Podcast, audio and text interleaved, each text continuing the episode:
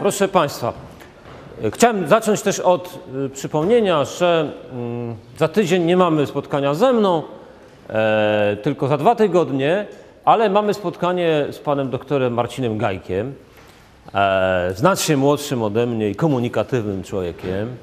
E, z tym, że ono się nie odbędzie tu, tylko w sali 1222, co zostanie powieszone na, na, na stronie, tak żeby Państwo pamiętali, na temat teorii demokracji, problemów demokracji, takie prawda, zajęcia, które mają charakter bardziej e, wspólnej refleksji, tak, pod oczywiście e, inspiracją prowadzącego, e, niż e, taki mający do, dodać Państwu wiedzy maturalnej, prawda, ale rozszerzający horyzonty, żeby Państwo e, zobaczyli, czym się zajmują ludzie na studiach politologicznych.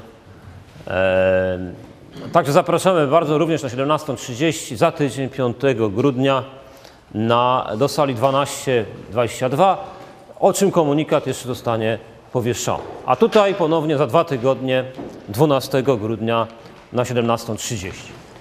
E, Taki jest, e, dzisiejszy temat dotyczy władzy ustawodawczej w różnych systemach politycznych. Takie są tematy esejów, które no, po przejrzeniu tego materiału można by pisać.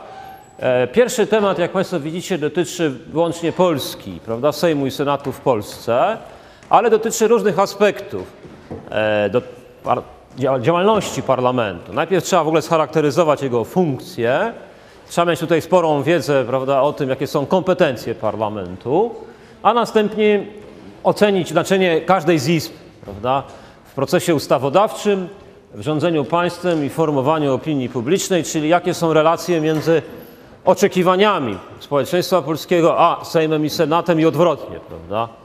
E, natomiast drugi temat ma charakter porównawczy. E, dotyczy, proszę Państwa, e, e, tego, czy powinien być jedna izba, czy dwie izby. Będziemy tu się zajmowali szeregiem państw, które mają dwuizbowy, czyli tak zwany bikameralny, tak? bikameralny system, e, bikameralną formę władzy ustawodawczej. E, czy powinna być jedna, czy dwie? Jakie są zalety dwuizbowości? Ewentualnie jakie są jej minusy w różnych rozwiązaniach ustrojowych? No i porównać polski system, który jest bikameralny z kilkoma e, spośród tych, o których będzie mowa w tym arkuszu. E, Zaczynamy znów od trochę takiego historycznego wprowadzenia, pochodzenia i formy parlamentaryzmu. Prawda? Pierwszy z tych tekstów, jak Państwo widzicie, źródłowych, dotyczy Anglii XVII wieku, petycja o prawa z 1628 roku, prawda? I e, źródła parlamentaryzmu angielskiego. Mm, e, Tam powstał ten system parlamentarno-gabinetowy, prawda? E, Sama Izba Gmin pochodzi aż z 1265 roku i Izba Lordów sięga już takimi zupełnymi początkami aż Wielkiej Karty Swobód z 1215 roku, prawda? A więc XIII stulecia. To jest dokument sprzed rewolucji angielskiej, kiedy e, Stany angielskie upominały się o swoje prawa. No i tutaj, jakby się Państwo uważnie wczytali prawda, e, w ten dokument, e, zadaję takie pytania do niego. W pytaniu pierwszym, w dokumencie parlament powołał się na dwa akty, w których królowie zagwarantowali uprawnienia poddanym, no a sugeruje parlament, teraz są one łamane w tym momencie, prawda? W związku z tym trzeba przywołać, co zostało przyznane wcześniej e, poddanym. Wymień dwie kategorie praw, których parlament chce bronić przed samowolą króla. Prawda? Mamy w drugim akapicie, jak Państwo widzicie, nie, przepraszam, w pierwszym akapicie mamy e, za panowania króla Edwarda nadano statut o nieprzyznawaniu podatków, prawda? a więc e, praw e, wolności podatkowej chce bronić e, parlament przed e, królem w 1628 roku. W drugim akapicie mamy właśnie Wielką Kartę Swobód. E, A więc jakie prawa? Spójrzmy na ten drugi akapit. Jak to nazwać, tą kategorię praw? O ile w pierwszym przypadku chodzi o prawa podatkowe, to w drugim przypadku chodzi o jakie prawa? Jaka to jest kategoria praw? Słucham? Prawa człowieka, no właśnie, ten, wiek, znaczy ten termin może nie pasuje do XVII wieku trochę, prawda? Jest to termin pooświeceniowy dopiero, prawda? No prawa osobiste, można powiedzieć, wolności osobistych, tak? Wolności osobistych, tego przede wszystkim, o ten sposób może lepiej ująć, e, broni tutaj przed e, samowolą królewską, czyli przed aresztowaniami, prawda, e, parlament angielski. W drugim pytaniu pytam o to, że wskazać miejsca, w, którym, w których widać, że ten parlament był dwuizbowy. Tak? No proszę zobaczyć, choćby są nawet dwa takie miejsca. W pierwszym akapicie pierwsze słowa i w trzecim akapicie pierwsze słowa. Prawda? Mamy lordowie duchowni świeccy tam na górze oraz gminy, zgromadzeni w parlamencie i na, w trzecim akapicie przeto lordowie duchowni świeccy oraz gminy. Prawda? Mamy wyraźnie dwie części. Prawda? Są lordowie duchowni świeccy oraz gminy, czyli przedstawiciele wsi i miast, prawda? wybrani. Ci pierwsi są, jak Państwo wiecie, dziedziczną arystokracją, ci drudzy są wybrani przez miasteczka i wsie Anglii, aby reprezentować w parlamencie interesy wyborców. Więc to są te, ten parlament angielski sobie przypomnieliśmy, prawda? Tutaj z kolei mamy źródła parlamentaryzmu w kraju o najstarszej z obecnych konstytucji pisanej na świecie, czyli amerykańskiej konstytucji. Z którego roku pochodzi? A, jest, przepraszam, data, nie mogę zapytać, ale mogę zapytać, tak jak tutaj napisano w pierwszym pytaniu na tej stronie, a kto jest suwerenem w Stanach Zjednoczonych według tej konstytucji? Kogo ona wskazuje jako suwerena? Naród, prawda? E, mamy pojęcie suwerenności wewnętrznej, prawda? I suwerenności zewnętrznej. I jeśli chodzi o suwerenność wewnętrzną, pytamy o to, kto właśnie jest mocodawcą, tak? źródłem całego systemu rządów. No, w tym przypadku Amerykanie, prawda? E, naród amerykański. W przypadku suwerenności, suwerenności zewnętrznej mówimy o niezależności państwa od innych czynników w stosunkach międzynarodowych. Prawda? E, więc tak. Natomiast e, właśnie skupmy się na tych jednak e, trudniejszych rzeczach. E, w pytaniu czwartym chodzi o mm, ten akapit tutaj, mm, troszkę niezręcznie mi się tutaj to, prawda, jak Państwo widzicie, wycinało, e, no ale mamy przed szóstką wyżej, prawda, jeden akapit, zdanie zaczynające się od słów Senat będzie miał wyłączną moc postanawiania, stan, e, postawiania stan oskarżenia. Tak? Jaka jest anglojęzyczna nazwa tej procedury, którą w tym krótkim akapicie Konstytucja USA opisuje?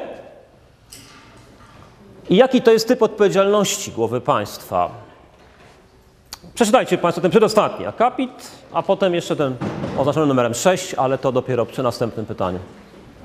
Jaki to typ odpowiedzialności? Czy to jest odpowiedzialność polityczna tutaj, gdzie mowa o tym Senacie, że stawia stan oskarżenia? A jeżeli nie polityczna, to jaka? Nie, konstytucyjna, nie karna. Tak, są trzy rodzaje odpowiedzialności polityków: polityczna, konstytucyjna i karna. Ta jest konstytucyjna.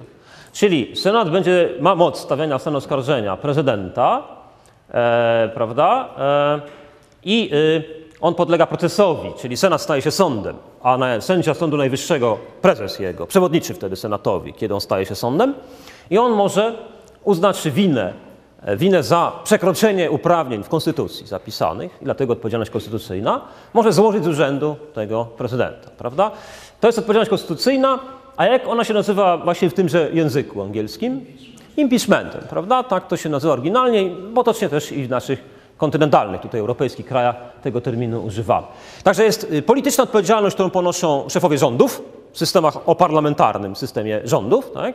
jest konstytucyjna, którą ponoszą i głowy państw, i szefowie rządów, i ministrowie we wszystkich, i parlamentarnych, i prezydialnych systemach rządów. Tak?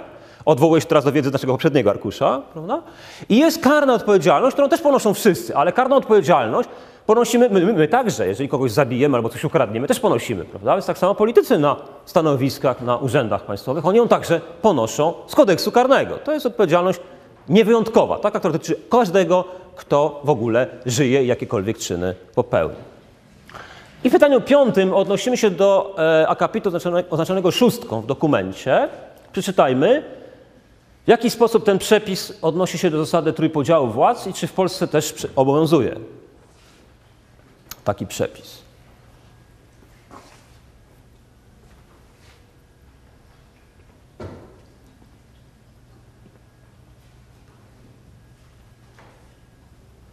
Jak on się odnosi ten przepis do zasady trójpodziału władz?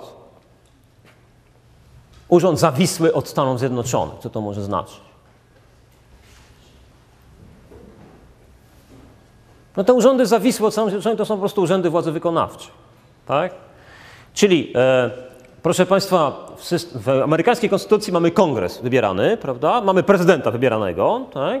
Ale ten prezydent musi sobie dobrać całą masę ludzi właśnie zawisłych od Stanów Zjednoczonych do wykonywania władzy wykonawczej, tak? E, Z tego wynika, że kto jest kongresmenem, czy w jednej izbie, czy w drugiej w USA, nie może objąć urzędu w ramach struktury władzy wykonawczej. A to się odnosi do zasady trójpodziału władz w ten sposób, że te władze są całkowicie rozdzielne. Ci, którzy pełnią władzę ustawodawczą, parlamentarzyści, nie mogą być urzędnikami państwowymi i odwrotnie. To jest tak zwany system separacji władz. Tak? Amerykanie uznają zasadę separacji władz, w związku z tym nie przenikania się e, tych samych osób prawda, w tych dwóch rodzajach władz, także i w trzeciej, sędziowskiej również. Czy w Polsce ten przepis obowiązuje? W jakim stopniu? Czy w takim dokładnie samym? Że całkowita separacja? Nie. Dokładnie. Dojdziemy do tego w trakcie. Tak jest. Ministrowie mogą być posłami i z reguły bywają, czy nawet przeważnie są. A więc on dotyczy bardzo wielu kategorii urzędników. Konstytucja dokładnie mówi których, ale nie ma w tej kategorii właśnie, którą określono jako niemogącą tak, mieć mandatu poselskiego lub senackiego ministrów rządu. Więc nie mamy w Polsce modelu pełnej separacji władz, tak, e, jak w Stanach Zjednoczonych. No i trzeci z tych historycznych dokumentów innej natury, nie, tak tytułem wprowadzenia, prawda? Nie, Konstytucja francuska, e, ale bynajmniej nie pierwsza, druga z tych rewolucyjnych we Francji konstytucji, a więc mówiąc potocznie jakobińska. E, No i teraz właśnie jak tutaj przeczytać uważnie, a może Państwo przeczytają krótko tę, po prostu już tak całość, prawda, bo tu nie jest wiele tych zdań, to możemy się zastanowić, y, jakie są różnice właśnie w pytaniu szóstym, y, jeśli chodzi o tryb wyboru posłów do tego ciała ustawodawczego i do Sejmu na, naszego, obecnego. Czym to się różni? Proszę Państwa, więc kto wybiera posłów do tego ciała ustawodawczego? Czy to się tak odbywa jak dzisiaj, że przychodzą obywatele do lokalu wyborczego prawda, i oddają głos? Jedni przychodzą, drudzy nie przychodzą. Frekwencja jest, jak wiadomo, poniżej 50%, prawda, więc większość nie przychodzi. Czy też jakoś inaczej?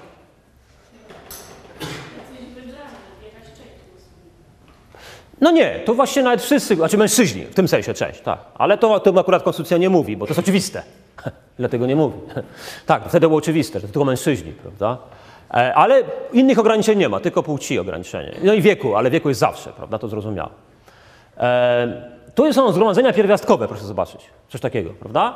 My nie mamy żadnych zgromadzeń pierwiastkowych, które liczą od 200 do 600 e, obywateli, prawda, w kantonie, tak, uprawnionych do głosowania. I można się domyśleć z tego, prawda, że na tym zgromadzeniu pierwiastkowym w kantonie, a to jest taka jednostka podziału tak, we Francji wczesnej, gdzie od 200 do 600, do 600 mężczyzn się zbiera, oni na tym spotkaniu wybierają tych parlamentarzystów.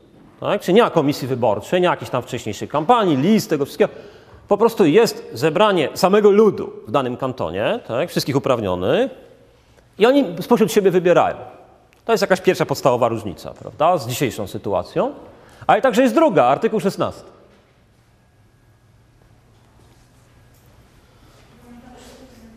Słucham? Można ustnie, a co to znaczy? Że nie zachowuje się jakiejś zasady dzisiejszych tajności, prawda? To jest publiczne wtedy zupełnie, prawda? W zależności od tego, jak to chce, prawda? To, to do dzisiaj się stosuje taką zasadę na różnych zebraniach, prawda? Że jeżeli ktokolwiek chce, aby głosowanie było tajne, choćby tylko jedna osoba chce, to musi być tajne, prawda? To w różnych gremiach tak, decyzyjnych się tak stosuje. Jak tam było w praktyce, trudno powiedzieć, prawda? Ale bardzo często na pewno głosowali właśnie ustnie, jawnie i tak dalej. To jest nie do pojęcia dzisiaj. A więc są inne, prawda, zasady, ale ta konstytucja była demokratyczna. Tam było powszechne prawo wyborcze dla mężczyzn, ale powszechne, prawda? I były zgromadzenia pierwiastkowe, które miały cały szereg kompetencji, prawda? E, e, Bardzo wiele ustaw, które przeszły przez ciało ustawodawcze, wracały do zgromadzeń pierwiastkowych, gdzie były konsultowane, tak? A więc było bardzo wiele elementów demokracji bezpośredniej tak? w Konstytucji Jakobińskiej, dzięki wprowadzeniu właśnie tego rodzaju zgromadzeń pierwiastkowych. Dzięki częstej praktyce referendów. Proszę też zwrócić uwagę, jaka jest kadencja ciała ustawodawczego. No i tylko rok, najkrótsza z możliwych, prawda? Byłby to kraj nieustannych kampanii wyborczych. Wtedy oczywiście nie było mediów, prawda? W związku z tym jednak e, te kampanie byłyby jednak krótkie dosyć, prawda? Tuż przed wyborami. Ale dzisiaj, gdybyśmy mieli za rok wybory, już by była kampania, prawda? A dopiero się poprzednia skończyła. To oczywiście nie do zastosowania takie rozwiązania, jakie Jakobini sobie tam wyobrażali. Ale jeszcze pytanie siódme, artykuł 29, proszę Państwa. A jak nazywa się ta, ten mandat parlamentarny, który opisano w artykule 29? Każdy poseł należy do całego narodu. Co to znaczy? Jak ten mandat się nazywa? Typ mandatu. Tak? Mandat wolny, tak jest. Proszę Państwa, a jakie jest przeciwieństwo mandatu wolnego? Tak? Związany, można powiedzieć, tak. Związany czym?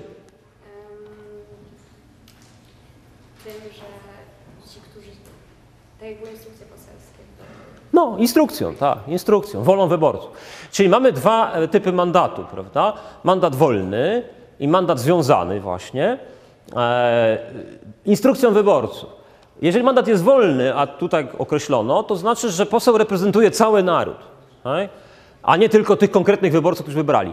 W tym przypadku mogłoby tak być, bo skoro byli wybierani na zgromadzeniu tych 200 do 600, prawda, no to mogli oni również im instrukcje dać, prawda, bo była tam jakaś debata, były jakieś, można sobie tak wyobrazić, prawda, była jakaś wymiana zdań, mogli mu instrukcje dać i z tą instrukcją wysłać.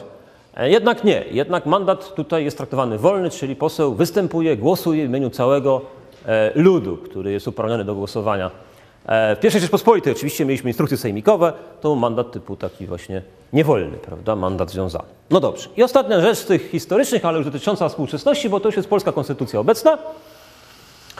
E, proszę przeczytać, e, proszę Państwa, zwłaszcza te trzy pierwsze punkty. E, I, e, mm, e, a nawet w tej chwili nawet dwa pierwsze wystarczy, pierwszy i drugi ustęp, e, które jak widzimy dotyczą pewnych form, pewnej formy uprawnienia przysługującej dziś parlamentarzystom na świecie. Jaka to forma, jak ją nazwać? I są dwie postacie tego uprawnienia.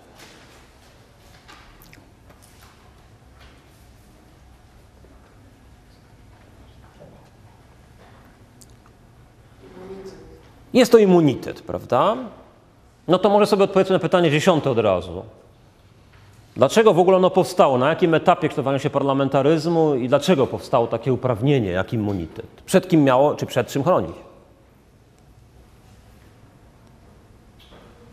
Tak historycznie. No przed władcą, prawda? Przed władcą, przed samowolą władcy. E, Gdyby dzisiaj powstawały parlamenty w dzisiejszych realiach, prawdopodobnie w ogóle mogłoby do głowy nikomu nie przyjść, prawda? E, Więc jest to troszeczkę taka pozostałość, tak? Z czasów, kiedy parlamenty były ostoją walki, tak? Ostoją wolności i obrony praw przed władcami, tak jak widzieliśmy w tym pierwszym dokumencie, w petycji o prawo w przypadku angielskim. Ale wróćmy do form w pytaniu ósmym. Są dwie formy immunitetu. W pierwszym ustępie mamy jaką formę?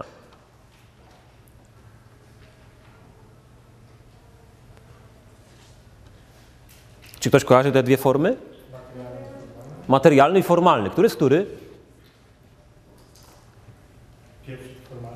Nie, właśnie. Pierwszy jest materialny. Proszę Państwa, pierwszy e, e, ustęp dotyczy materii bycia posłem. Czyli tak, on dotyczy tego, kto jest jakim posłem, co robi jako poseł, jak się wypowiada, jak głosuje, jakie decyzje podejmuje. To jest chronione absolutnie. Za to, jakim on jest posłem, rozliczą go wyborcy za 4 lata, na przykład nie oddając na niego głosu. Ale nikt inny go to nie może rozliczyć. Tak? E, jego działalność polityczna jest chroniona. Natomiast w punkcie drugim, w ustępie drugim mamy immunitet e, formalny.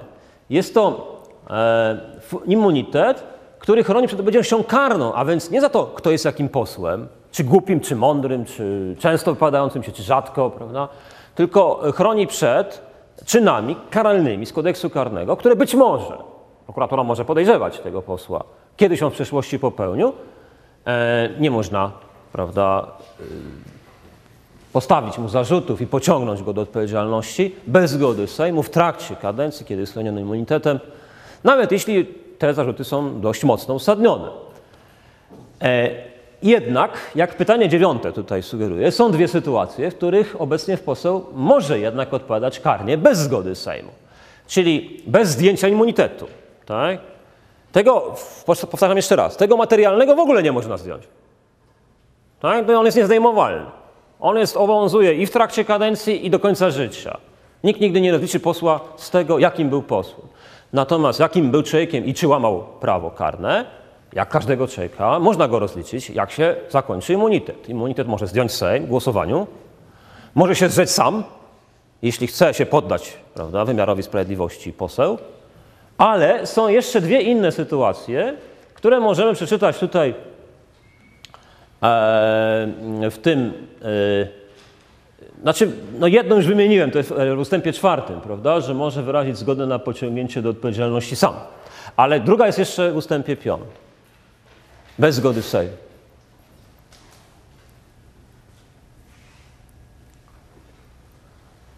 Prawda? Czyli może być wtedy, kiedy jest ujęty na gorącym uczynku, w trakcie popełnienia przestępstwa e, i jest to niezbędne do zapewnienia prawidłowego toku postępowania.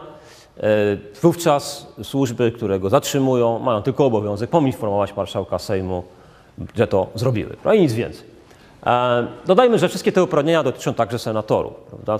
Immunitet formalny i materialny. On historycznie wynika z tej opozycji prawda, z władcami parlamentarzystów, którą szczególnie w historii Anglii wyraźnie widać. Przechodzimy już do funkcji prawda, parlamentów. No i tu mamy najpierw dwie typologie. Pierwsza typologia funkcji współczesnych parlamentów mm, za Januszem Okrzesikiem, e, a właściwie ten, że podaje niejakiego Pakenhama, tak, jako autora tej typologii. E, mamy tu takie trzy funkcje. Państwo widzą, prawda? Funkcję legitymizacyjną, funkcję socjalizacyjno-rekrutacyjną i funkcję decyzyjną. Prawda? Mm, e, proszę zobaczyć, ta typologia, zdaniem autora owej książki, skupia się na efektach działalności parlamentu, a nie na analizie uprawnień mu przysługujących. Prawda? Czyli typologia stworzona na takiej podstawie e, przyjrzenia się temu, jak w ogóle parlament oddziaływuje, tak? jakie są skutki jego działalności, jak najszerzej a nie na uprawnieniach formalnych zapisanych w Konstytucji czy w innych aktach prawnych, które przysługują parlamentowi. Te trzy funkcje tutaj wyodrębniono. No i teraz pytanie moje jest do funkcji legitymizacyjnej, prawda? Jak Państwo widzicie, pytanie jedenaste, bo funkcja socjalizacyjno-rekrutacyjna no jest dość oczywista tutaj, prawda? Wy, wyło, wyłożona w oczywisty sposób, tak? Wyłanianie liderów politycznych, no wiemy o co chodzi. Funkcja decyzyjna, przede wszystkim legislacja, też jest oczywiste pewnie, prawda? Powstaje pytanie, na czym polega funkcja legitymizacyjna? Proszę dać przykład wydarzenia życia politycznego Polski ostatnich lat, które by nam ilustrowało prawda, tą funkcję. Co to jest w ogóle legitymizacja? Od tego zacznijmy. Uprawomocnienie władzy. Uprawomocnienie władzy. No właśnie, więc uprawomocnienie całego porządku tak, prawnego, tak, całego porządku społeczno-politycznego, prawda? wręcz całej rzeczywistości publicznej, tak, uprawomocnienie. Tak? Można nawet tak szeroko rozumieć. Tak? No więc proszę dać jakiś przykład, kiedy Sejm tutaj uprawomacnia, tak? Jakimś działaniem. Może Państwo potraficie taki przykład dać. Całą, cały porządek publiczny w Polsce.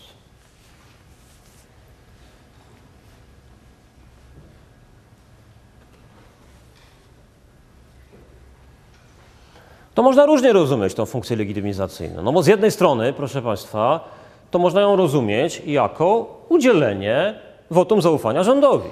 On wtedy legitymizuje władzę wykonawczą. Tak? Można tak wąsko dość rozumieć, tak? prawda? Udzielając wotum zaufania rządowi. Albo, no tak, ale można rozumieć szeroko. Na przykład, jeżeli parlament tak, przyjmuje uchwałę, e, a bywały takie uchwały, prawda, która odnosi się do całego okresu PRL-u, tak? E, albo do jakichś wydarzeń historycznych tak? z dwudziestowiecznej historii Polski, przy okazji 11 listopada, czy 3 maja, czy jakieś tam jeszcze inne. Tak? E, I ta uchwała prawda, stanowi, że tacy a tacy, tu wymienione są nazwiska, dobrze zasłużyli się ojczyźnie, a Konstytucja 3 maja miała olbrzymie znaczenie tak? prawda? w historii tego kraju, no to uprawomacnia rzeczywistość także współczesną, prawda? wskazując na to, co w historii jest jej źródłem. Tak?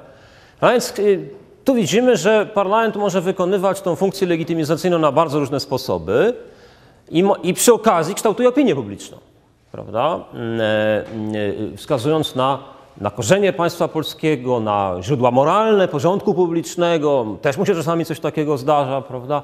W niektórych mm, e, wypowiedziach No, tego nie możecie pamiętać, ale powiedzmy w 99 roku, w czasie pielgrzymki papieskiej, Jan Paweł II był w parlamencie, prawda? Rzeczywiście taki moment silnie legitymizacyjny, prawda? E, To spotkanie z papieżem. E, Zresztą przy okazji papież użył takiej formuły e, niezłej, trzeba przyznać. Wiwat król, wiwat naród, wiwat wszystkie stany. Tak się wołało po uchwaleniu Konstytucji 3 maja. A kto tym królem? Prezydent Kwaśniewski, tak wszyscy zrozumieli, prawda? E, Dla człowieka z lewicy, prawda, z po- Polskiej Zjednoczonej Partii Robotniczej był to duży dowód uznania wówczas, prawda, w słowach, w ustach em, tego, no, hierarchy, prawda, Kościoła katolickiego. E, To są te momenty legitymizacyjne, tak? To się dzieje w Sejmie, prawda? E, towarzyszyła temu odpowiednia uchwała i tak dalej. Prawda? Także mm, e, istotnie kształtuje opinię publiczną i tak dalej. Ale legitymizacja to także właśnie na przykład e, udzielenie wotum zaufania rządowi, wybór kogoś na stanowisko, które y, obsadza Sejm, a jakiś. Nawet tak, nawet tak. Dobrze. I teraz dalej mamy jednak drugą typologię, prawda, która mm, już bardziej właśnie dotyczy y, konstytucyjnych uprawnień parlamentu. No i tu oczywiście bardziej o nią chodzi, o tą typologię, żeby ją pamiętać. To za, za podręcznikiem, który już Państwu tu pokazywałem raz, y, pewne źródła z niego, podręcznikiem Wojtaszczyka, prawda, społeczeństwo i polityka, mamy cztery podstawowe funkcje tu wyłożone. No i to jak amen w pacierzu, proszę Państwa. Te cztery podstawowe funkcje pamiętamy, bo o to nas zapytają. Czasami nawet niektórzy wyodrębniają jeszcze funkcję budżetową osobno od ustawodawczej. Bo wprawdzie co, budżet jest ustawą, nie? Prawda? W związku z tym można by było uznać, że i tu tak jest uznane, że to jest część funkcji ustawodawczej, ale można e, budżet wyróżnić. A dlaczego? Dlaczego budżet jest specjalną ustawą? Słucham? Inny tryb uchwalania, mianowicie jaki? Prezydent go nie może wetować, to pani wie wszystko, tylko że tak konspiracyjnie do mnie mówi. E, ja muszę tubalnie powtarzać za nią, ale wie wszystko. Tak, ma, prezydent nie może zawetować budżetu. Tak? Może tylko do Trybunału Konstytucyjnego wysłać albo podpisać od razu, tak? a wetować nie może. A druga rzecz dotycząca szczególnie budżetu? No, że jest tylko 4 miesiące na uchwalenie, a jak nie, to prezydent może rozwiązać Sejm. Tak? Inne ustawy nie mają ograniczenia czasowego, prawda, jeśli chodzi o tryb. Tak? Ale proszę Państwa, jest jeszcze trzecia rzecz, że to jest jedyna ustawa, którą rząd musi złożyć w parlamencie, bo inaczej by państwo nie istniało. Rząd może nie przedkładać żadnej innej ustawy przez całe 4 lata, jak sobie jest, ale co roku musi przedstawić budżet, to jest jego obowiązek. Wobec tego państwo nie istnieje, prawda? Więc budżet jest czymś szczególnym, tak? Ale też jest skądinąd ustawą, więc dlatego wyróżnianie osobno y, funkcji budżetowej nie jest konieczne. Em, Ale możecie taką pięcioczłonową e, klasyfikację tych funkcji także spotkać. No dobrze, ale przyjrzyjmy się temu. E, Odnośnie funkcji kontrolnej, ostatniej, prawda, mamy aż sześć form. Proszę tutaj rzucić okiem, prawda, one są po dwukropku wymienione. E, Pytanie jest to i takie, czy któraś z nich nie przysługuje obecnie polskiemu Sejmowi z tych sześciu funkcji? Nie ma jej, prawda? Debata wstępna, czyli dyskusja nad proponowaną polityką rządu. Jest coś takiego? Tak, no premier wygłasza expose i wtedy jest debata. Właśnie słucha, słyszeliśmy.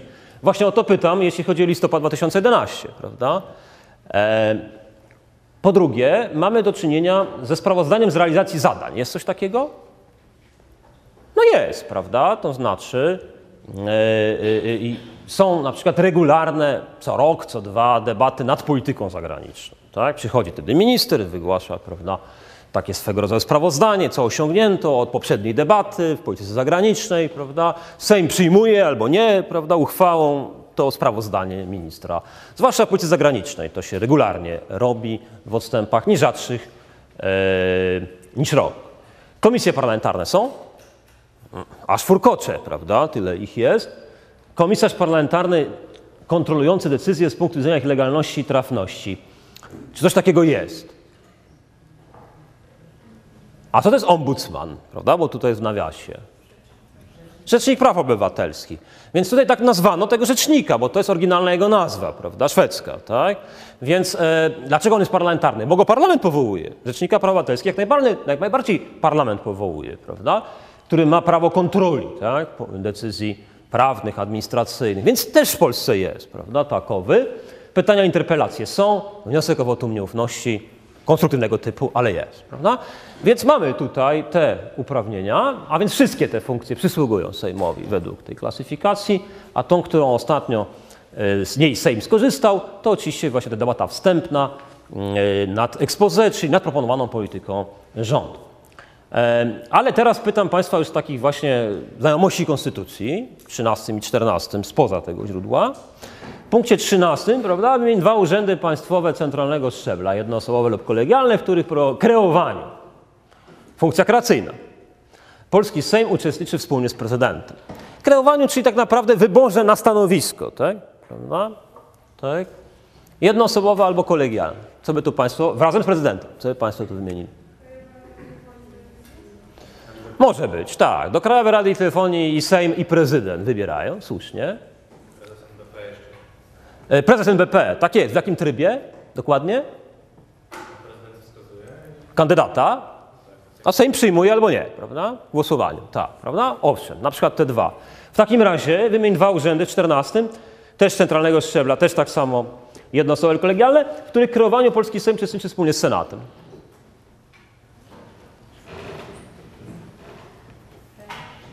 Co?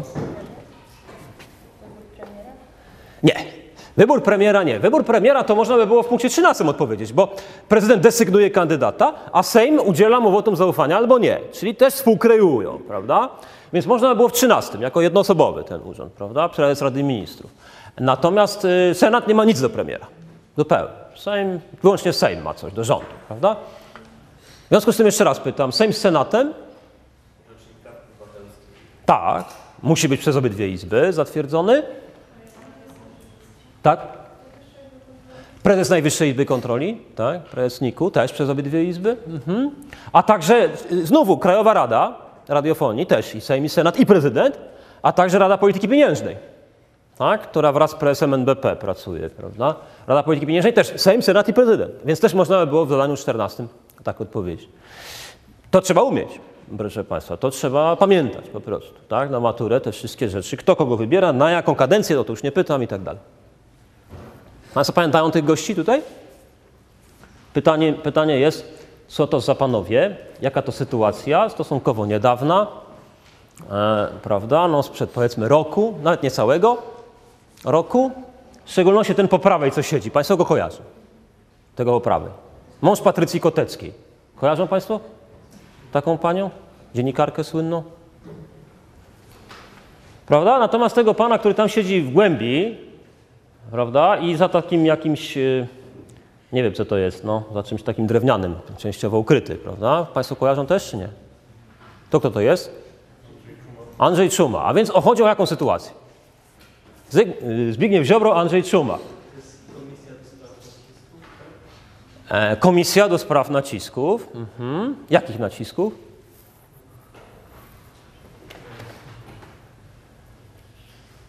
I jak sprawa się zakończyła? Pytam w 16, prawda?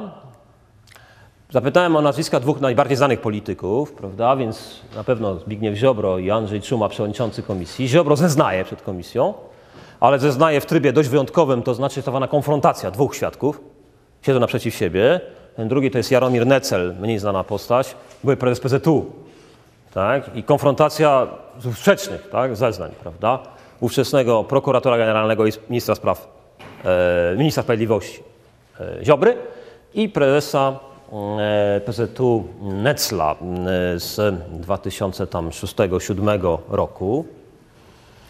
E, No ale jakich, czyich nacisków dotyczyła ta komisja? Kto na kogo naciskał, jak domniemywano, powołując komisję? Na służby specjalne?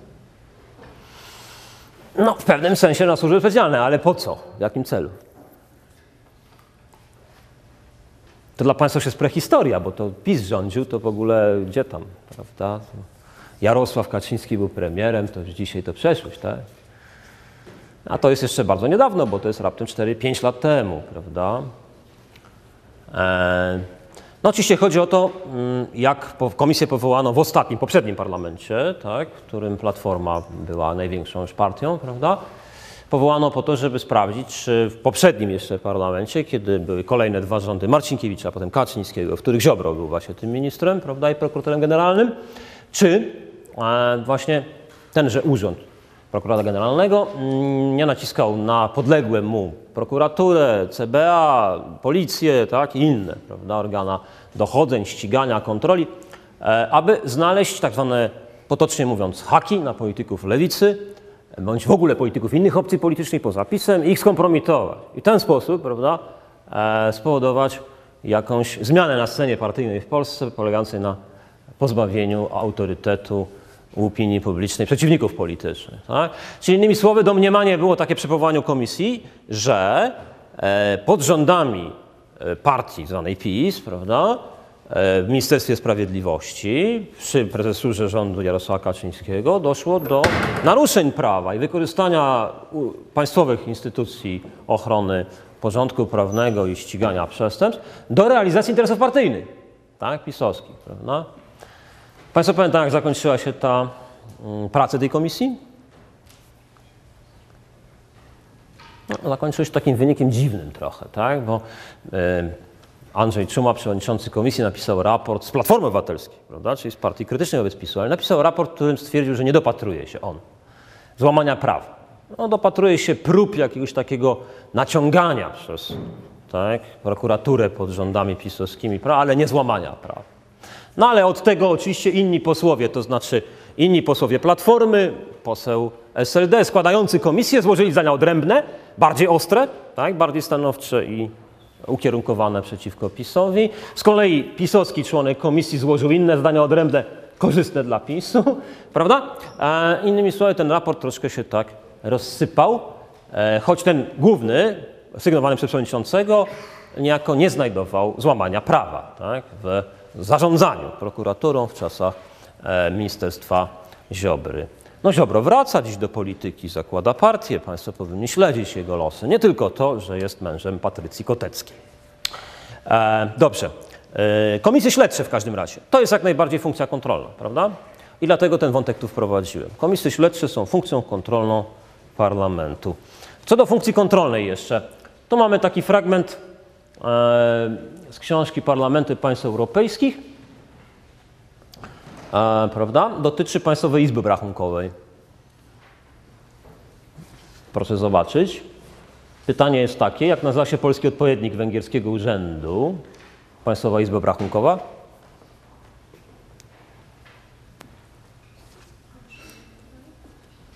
Tak?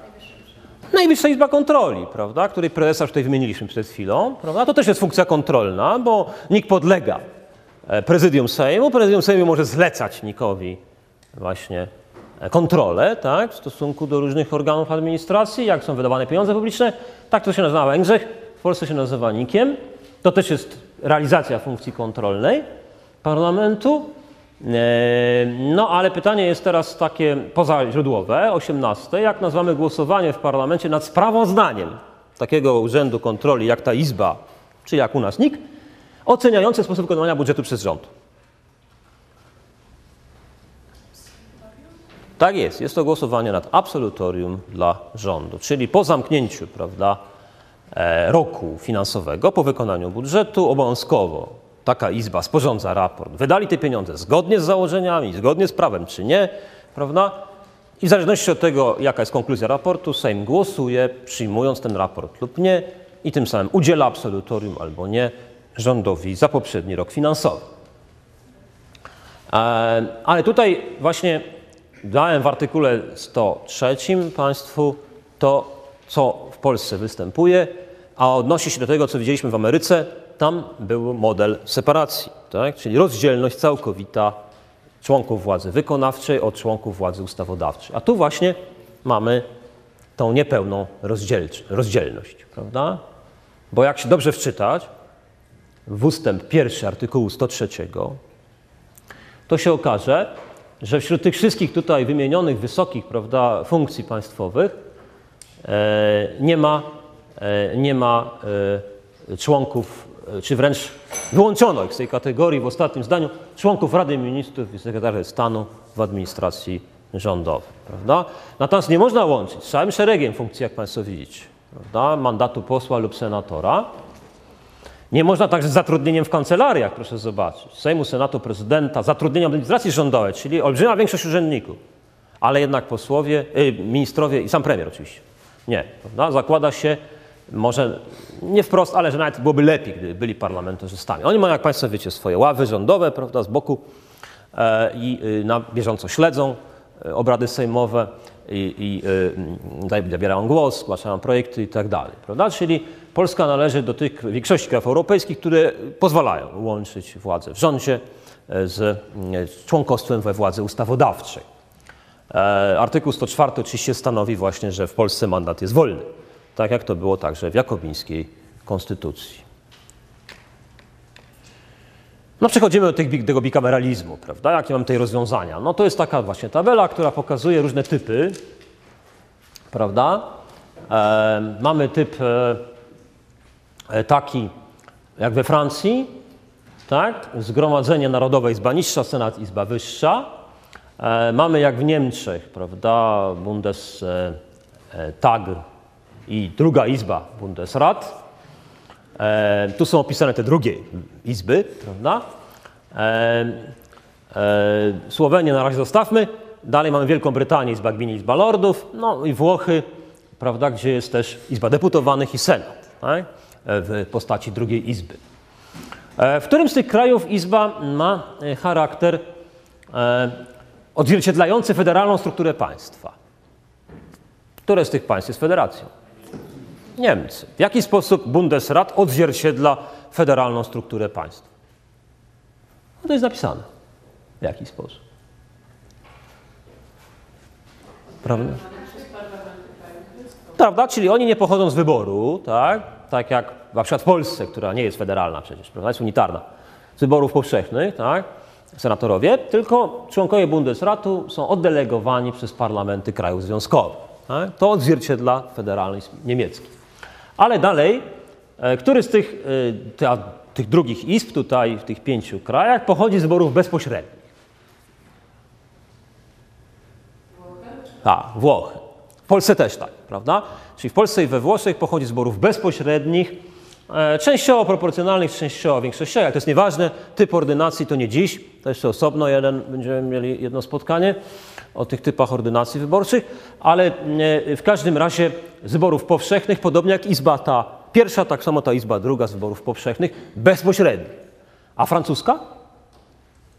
Francuski Senat?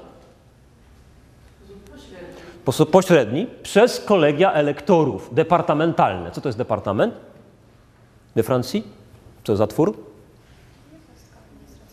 Jednostka administracyjna środkowego szczebla, odpowiadająca polskiemu powiatowi, prawda? A więc członkowie e, tych kolegiów elektorów e, w departamentach wybierają Senat francuski, czyli wybory są pośrednie, prawda? Bo najpierw władze powiatu były wybrane przez e, społeczeństwo, prawda? Przez wyborców. E, innymi słowy, nie mamy bezpośredniości tutaj. E, I ciekawostka trochę, ta Słowenia, której się więcej nie będziemy zajmowali, bo to prawda, kraj jest ma, malutki, choć zamożny i bardzo sprytny, ale w każdym razie e, to jest właśnie, tutaj o to pytam, w 20 izba typu częściowo korporacyjnego. Dlaczego korporacyjnego? Co tutaj w tym opisie wskazuje na to, że to jest przynajmniej częściowo izba typu korporacyjnego? Część jest reprezentantami pracodawców i. Tak, to są korporacje, prawda?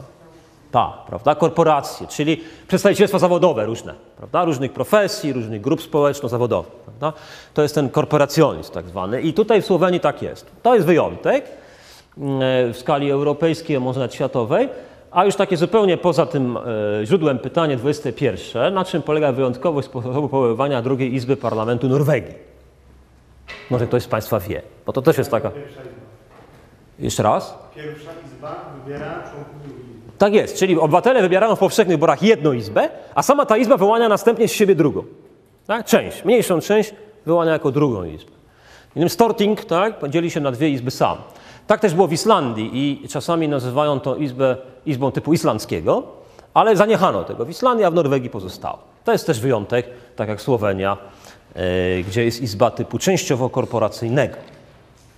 Wielka Brytania, bikameralizm brytyjski, E, czytamy tutaj o kompetencjach Izby Lordów. E,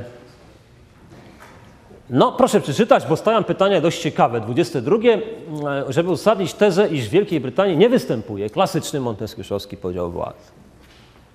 Jakiś podział występuje, ale nie klasyczny monteskiuszowski. Jakie funkcje ma Izba Lordów? No tu przede wszystkim jest mowa o dwóch, prawda? A więc jakie dwie funkcje można wymienić? Tak? Ustawodawcza i sądownicza. No to jeżeli ma dwie, no to jak to się ma do Monteskiusza? To jakoś nie tak, prawda? Władza sądownicza jest, jak Państwo wiecie, w systemie trójkąta, prawda, monteskiuszowskim, czymś zupełnie odrębnym, wykonywanym przez innych, prawda, ludzi. E, nie powinno być tutaj łączenia tego, prawda? Izba Lordów jest jednocześnie najwyższym, jest izbą drugą w procesie ustawodawczym i najwyższym sądem Wielkiej Brytanii z prawami y, apelacyjnymi, przyjmowania apelacji i tak prawda? Są tak zwani lordowie prawa, e, którzy też się do niej zaliczają. Nie? E, Natomiast w pytaniu 23, prawda, pytam, czym się różni uprawnienie mm, Izby Lordów od uprawnienia Polskiego Senatu, jeśli chodzi o udział w procesie ustawodawczym, to to czym się różni? Co może polski Senat zrobić z ustawą, a co może Izba Lordów zrobić z ustawą, jaką otrzymała od pierwszej Izby?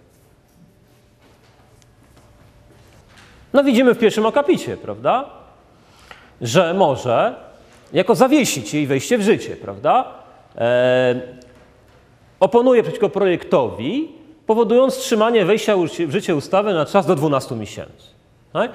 I e, tutaj nie jest to w pełni wyjaśnione, trzeba dodać, że w ciągu tych 12 miesięcy, jeżeli Izba Gmin, tak, która wcześniej ten projekt przyjęła, jeżeli w czasie tych 12 miesięcy Izba Gmin ponownie przyjmie ten projekt, tak, e, to on staje się prawem. Idzie do monarchy, monarcha promulguje, staje się prawem. Tak? Czyli z tego wynika, że Izba Lordów nie ma możliwości poprawek w ustawie. Tak? Ona może tylko wstrzymać na 12 miesięcy, nie dając zgody, ale jeśli Izba Gmin jakąkolwiek większością przegłosuje ponownie, e, to wstrzymanie, to zawieszenie zostaje niejako unieważnione. Tak? W tym sensie jest to Izba Oporu, tak? jak konkluduje ten fragment tekstu. Jest to Izba Oporu, e, właśnie jakby przypisano tutaj elitom, tak? Dawnej, dawnym elitom arystokracji, przypisano prawo oporu wobec tego, co, czego pragnie lud, prawda? czyli wyborcy, czy przedstawiciele wyborców e, w Izbie Gmin. E, No a na boku pytanie, trzy państwa sąsiadów polskich, których władza jest unikameralna? Litwa, Sejm, jednoizbowy. Co jeszcze? No, mówiliśmy o jednym z tych państw tydzień temu. Ukraińska Rada Najwyższa jednoizbowa i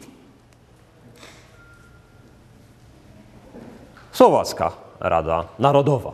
Tak? Słowacka Rada Narodowa. I Rosja, i Niemcy, i Czechy z pozostałych sąsiadów Polski mają jednak dwie izby e, z jakimś tam, prawda, senatem, bundesratem, no różnie się to nazywa. W Czechach senat, tak jak w Polsce. Bikameralizm francuski, prawda? A tu mamy dwa źródła. E, No, z tego pierwszego proszę zobaczyć, źródła, pytanie 25, prawda? E, Jaki jest wpływ na proces ustawodawczy Senatu francuskiego? Czy mniejszy, czy większy niż Izby Lordów?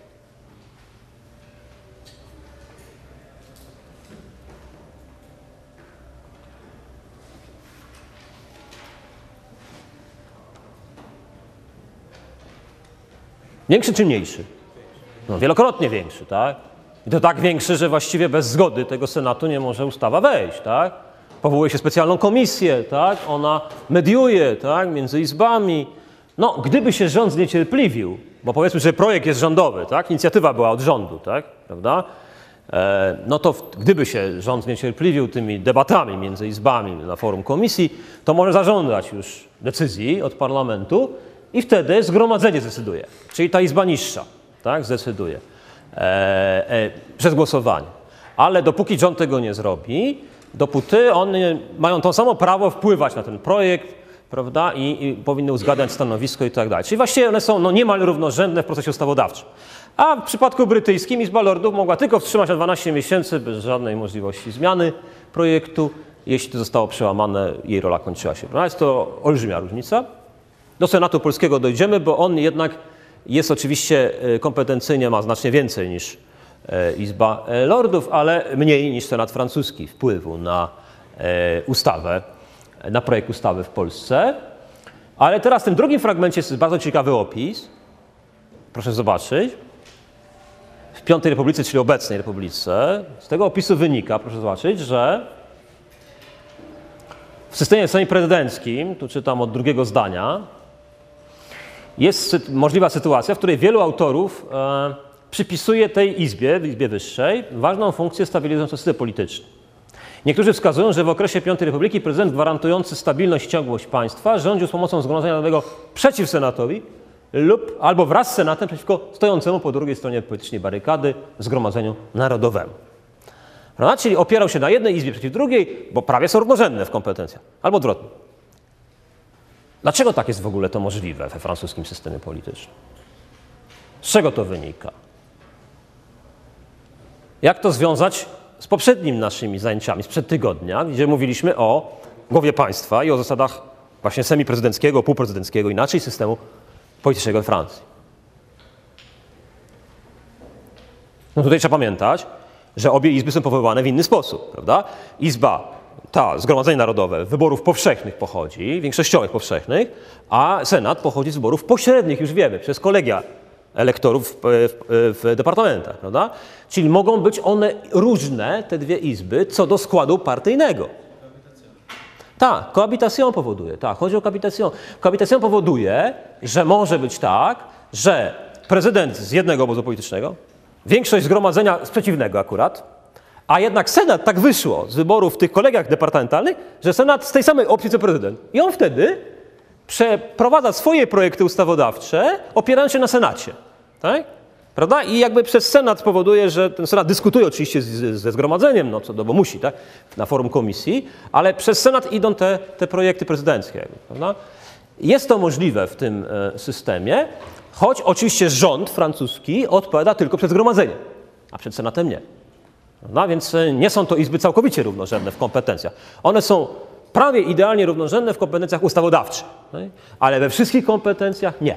Bo już y, rządu Senat nie odwoła, a zgromadzenie może w niekonstruktywnym wotum nieufności także i rząd odwołać. System francuski jest mocno pokomplikowany, ale to jest taka możliwość, która w przypadku cohabitation daje prezydentowi wpływ na parlament i na ustawodawstwo. Bikameralizm niemiecki. Prawda? Rada Związkowa. Proszę zobaczyć, jest ciałem e, permanentnym, tak? nie ma kadencji, ponieważ do niej wyznaczają landy, prawda? zgromadzenia krajowe w landach wyznaczają do niej, e, to ona jest e, ciągłą izbą.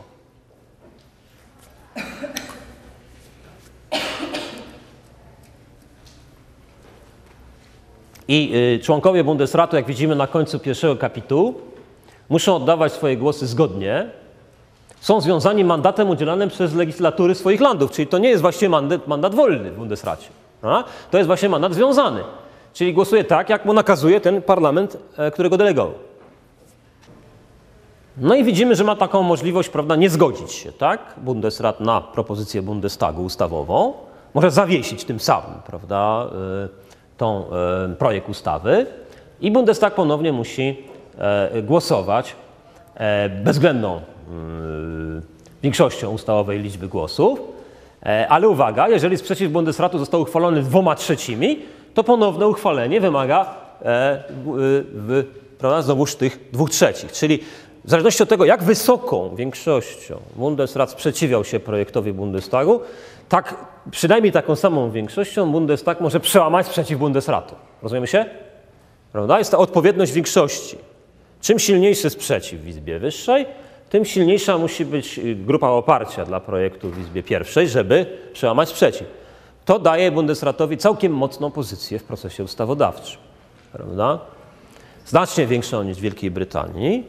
Choć może nie aż tak mocno jak w Senatu francuskiego, no bo nie powołuje się wspólnej komisji, która pracuje aż do skutku, tak? aż wynegocjuje wspólny projekt między izbami. Można jednak Bundestag przegłosować. E, Bundesrat, przepraszam, Bundestag może przegłosować, odrzucając jego sprzeciw, tak? odpowiednią większością. Prawda? Także summa summarum mamy do czynienia w rozwiązaniu niemieckim z silną pozycją Izby Wyższej, a pochodzi ona z delegacji, a nie z wyborów, prawda? Odzwierciedla federalną strukturę państwa, e, prawda? Więc y, ma też specyficzny charakter. No i bicameralizm włoski, który znowu, e, jak poprzednio, tydzień temu, też widzieliśmy, że system włoski, jeśli chodzi o prezydenta, też ma pewne podobieństwa z Polską. Tak samo tu się okaże, że i y, Parlamentaryzm włoski ma pewne podobieństwa z Polską, ale nie idealnie. Też i różnice. E, mamy Izbę Deputowanych i Senat. Pochodzą one z wyborów powszechnych, czyli tak jak i nasze izby. Tak? Jest równoczesność kadencji, czyli w tym samym czasie zaczynają się i kończą prace prawda, tych obu izb. Rozwiązanie jednej jest rozwiązaniem drugiej automatycznie, tak? istnieją tylko razem, a to jest wszystko podobne. Ale co tutaj, proszę Państwa, e, jest jednak innego? Jakie dwie kompetencje e, są we włoskim Senacie, których polski Senat nie posiada? Słucham? E, no tak, tak, bo u nas Sejm, tak, u nas Sejm, nie Senat, faktycznie e, można przyjąć. Co jeszcze?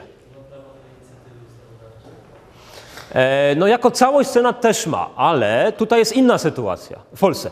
A tutaj jest inna sytuacja, bo tu jest tak, że proces ustawodawczy e, zaczynać w każdej z izb. Tak. Czyli u nas się musi zacząć w Sejmie. Czyli inicjatywę ustawodawczą Senat ma jako całość, ale jeżeli skorzysta z niej, to proces ustawodawczy zaczyna się w Sejmie. A dopiero potem idzie do Senatu ta ustawa, którą zaczął. Tu zaś może się zacząć albo w jednej, albo w drugiej. Tak? I Senat ma na tych samych zasadach, co Izba Deputowanych, inicjatywę ustawodawczą, czyli regulamin określa, ilu musi być podpisanych pod wnioskiem tak, w obu izbach, żeby uruchomić inicjaty- inicjatywę. U nas cały Senat musi uruchamiać, a nie jakaś grupa senatorów. Tutaj prawdopodobnie grupa e, członków Izby Deputowanych i taka sama e, wielkością grupa Senatu może uruchamiać i proces zacznie się w jednej izbie, pójdzie do drugiej. I w istocie nie mamy więc właściwie pierwszej i drugiej izby, tylko dwie równorzędne izby w procesie ustawodawczym. Tak? Nawet we Francji było tak, że musiał się zacząć od zgromadzenia i szło do Senatu. A tutaj mamy równorzędność izb, jeśli chodzi o bieg procesu ustawodawczego. No, te komisje śledcze też, ale jest tutaj też jeszcze jedna sprawa, proszę Państwa, która nie została tu wymieniona, ale e, w tym opisie, ale warto ją sobie naprawdę zapamiętać, że e, rząd we Włoszech odpowiada przed obydwoma izbami. To jest absolutny wyjątek.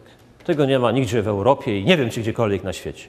To znaczy, że Sejm, e, rząd prosi o wotum zaufania, premier tak? prosi na początku swych rządów o wotum zaufania i liczy się w obu izbach naraz jego wotum zaufania. Tak samo wotum nieufności w obu izbach naraz to e, jest jednocześnie i trudniej i łatwiej. To zależy, jaki jest układ partyjny w izbach, prawda? E, ale w każdym razie przed tymi 900 tam, prawda, 50 e, jednoma, tak? Nie wiem, czy to się tak odmienia, parlamentarzystami odpowiada premier Włoch, a nie tylko przed Izbą pierwszą, tak jakby można powiedzieć, czyli jak w polskim przypadku przed Sejmem. To jest wyjątkowa sytuacja. No ale dobrze, ale dlaczego ta izba we Włoszech i w Polsce jest zwana izbą refleksji? Co w tym tekście wskazuje, że to ma być izba refleksji? Czyli taka izba, która się głębiej namyśla a, niż ta druga. Prawda? To tak sugeruje. Prawda? Głębiej namyśla, szerzej widzi, więcej czasu pochyla. Tak? A, ten cenzus wiekowy wyraźnie podniesiony, prawda? Na zasadzie doświadczenia, większego doświadczenia ludzi starszych, prawda? W Polsce on jest mniej podniesiony, bo w Polsce e, na przykład czynne prawo do Senatu mają osoby w jakim wieku? 18, a bierne? Od 30, a tu aż od 40, prawda? Jest podniesiony. No, niemniej w obu przypadkach stosuje się pewne przeniesienie cenzusu wiekowego wyżej, co ma właśnie skłaniać do takiego właśnie głębszego doświadczenia, dzielenia się doświadczeniem, tak zwana izba refleksji, tylko że w Polsce ona nie jest równorzędna, a tam jest równorzędna, całkowicie równorzędna z Izbą Deputowanych. W Polsce Senat jednak jest bardziej ograniczony w kompetencjach niż Sejm. To jest graf polskiego, no nie będziemy go szczegółowo analizowali, ale będziecie mieli go pod ręką, prawda? Yy, najlepszy z tych podręcznikowych, takich różnych, prawda, wypracowany, wypieszczony ze wszystkimi elementami schemat polskiego procesu ustawodawczego. E, ale, proszę Państwa, mm, tutaj chcę zwrócić uwagę na pewne punkty. No oczywiście na górze mamy pięć podmiotów, które mają inicjatywę. Pamiętamy jak kamień w pacierzu, prawda? Tych pięć podmiotów. No i tu może takie pytanie dorzućmy spoza mm, tych zapisanych pytań. E, Jest inicjatywa ludowa, tak? Państwo kojarzycie, prawda? Ta maksymalnie z prawej, tak? Na górze. Inicjatywa 100 tysięcy obywateli, prawda? Obywatelska albo ludowa, tak? Proszę mi powiedzieć, z tych państw, o których była mowa wcześniej, prawda? Była mowa o Wielkiej Brytanii, Francji, Niemczech, Włoszech, tak? W tych czterech państwach. Przede wszystkim, i w którym z nich jest inicjatywa ludowa, a w którym nie ma?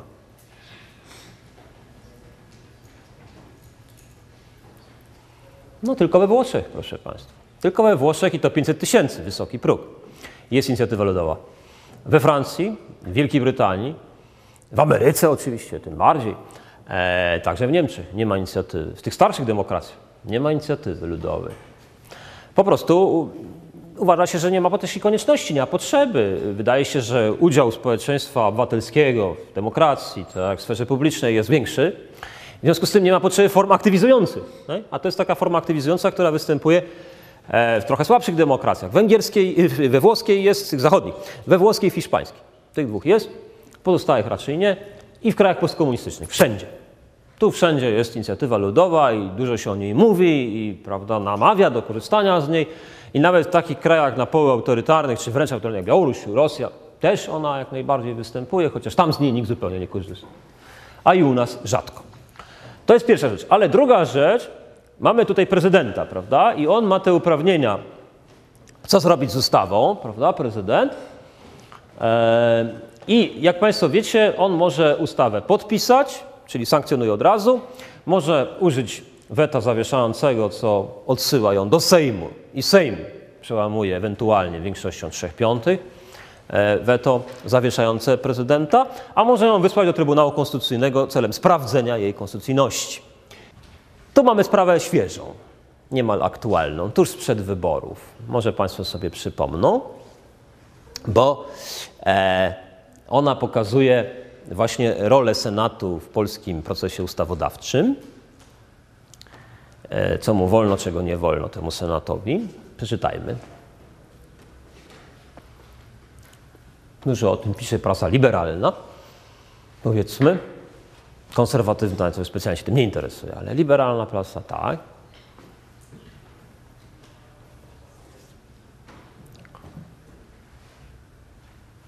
No więc proszę Państwa, e, trzy możliwości, tak, były. Pytanie 31. Były trzy możliwości, przed chwilą wymieniłem, jak prezydent może w stosunku do ustawy e, się e, zachować, tak. Podpisać, skierować do Trybunału, e, zawetować. Co zrobił prezydent Komorowski? Ale najpierw podpisał. Proszę uważnie czytać. Najpierw podpisał, a dopiero potem skierował do Trybunału. Czyli tak naprawdę z tych trzech możliwości korzystał z pierwszej.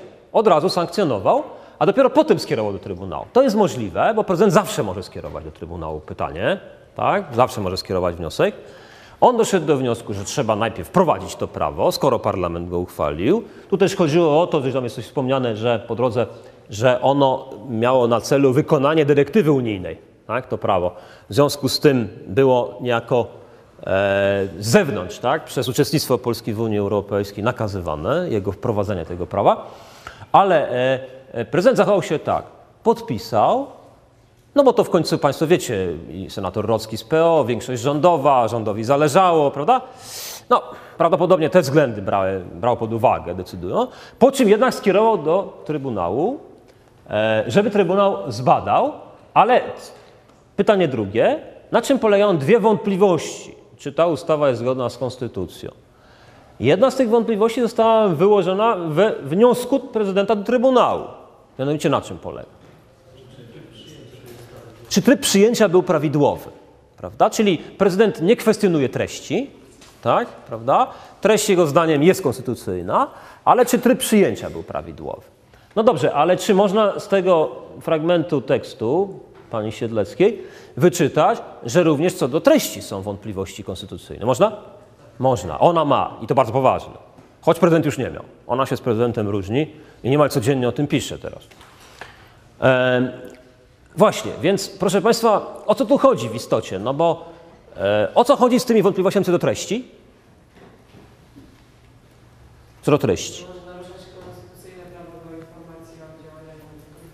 Prawda? Czyli innymi słowy, jest jakieś prawo konstytucyjne, że każdy obywatel ma możliwość wglądu w dokumenty, tak, informacje o działaniach władzy publicznej, a tu wchodzi nagle w ustawa, która powiada, że można utajnić na okres w ogóle bezterminowy, tak, ze względu na jakiś ogólnikowy bardzo interes ekonomiczny państwa, cały szereg dokumentów, informacji o trybach decyzyjnych i tak dalej, prawda? Wszystko na to wskazuje, że ona ma sporo racji, ale oczywiście konstytucjonaliści będą decydować, czy ma. Prezydent jednak się tego nie bał, że tutaj jest coś nie tak, prawda? Natomiast postanowił je ostrożnie wysłać ją jednak do Trybunału po wejściu w życie jej. No, ona obowiązuje, ale po wejściu w życie, żeby sprawdzili tryb uchwalenia. Więc o co chodzi z tym trybem uchwalenia, to już tekstu nie, nie, nie wiadomo, prawda? E, ale jak wrócimy do tego schematu, no to on nie jest aż tak szczegółowy, żeby z niego wyczytać, ale ja Państwu tutaj jakby dopowiem, w którym miejscu to występuje. Proszę zobaczyć, przy Sejmie, prawda, czyli przy pierwszym etapie procesu, mamy, proszę zobaczyć tutaj, y, trzy czytania. Pierwsze, drugie, trzecie czytanie są strzałki, prawda? Czyli ustawa musi być odpowiednio opracowana w Izbie. Pierwsze czytanie jest na forum Sejmu i wtedy głosują w ogóle przyjąć czy w ogóle wyrzucić, bo się nie nadaje projekt. Jeżeli przyjęli, to kierują do komisji. Komisja pracuje nad i komisja skieruje do Sejmu z powrotem swój przerobiony y, prawda, projekt i wtedy jest drugie głosowanie, zwane drugim czytaniem. Tak? I następuje dyskusja plenarna, czyli na forum całego Sejmu jeszcze można coś wprowadzić, jakieś poprawki, tak? i dopiero po tym następuje ostateczne głosowanie przyjąć czy nie na posiedzeniu plenarnym Sejmu, zwane trzecim czytaniem. Czyli są trzy etapy, przedkomisyjny, komisyjny i pokomisyjny na forum plenarnym. W pracy Sejmu dostał. Tego ten y, schemat nie pokazuje, bo już nie było miejsca, ale dokładnie tak samo powinno być w Senacie. Trzy czytania. Tak samo, przez komisję i z powrotem do, y, do Senatu. A tego nie zrobiono, bo jak się można dowiedzieć z tego dokumentu, prawda, senator Rocki wrzucił tą poprawkę, prawda, do projektu sejmowego bez trzech czytań, prawda? Senat ponaglany przez rząd, a rząd miał większość w Senacie i poprzednim w tym ma, prawda? przegłosował, tak? A prezydent potem podpisał. Ale już prezydent skierował to następnie do Trybunału, żeby sprawdzić, czy to na pewno jest zgodne, prawda? Oczywiście z nadzieją, że oni stwierdzą, że jest zgodne, prawda? I że to będzie tak, jak sobie rząd życzył. E, czyli innymi słowy widzimy tutaj, że e, no, mogą być pewnego rodzaju uproszczenia, a może nawet nadużycia, tak, prawda, procedur. E, tak.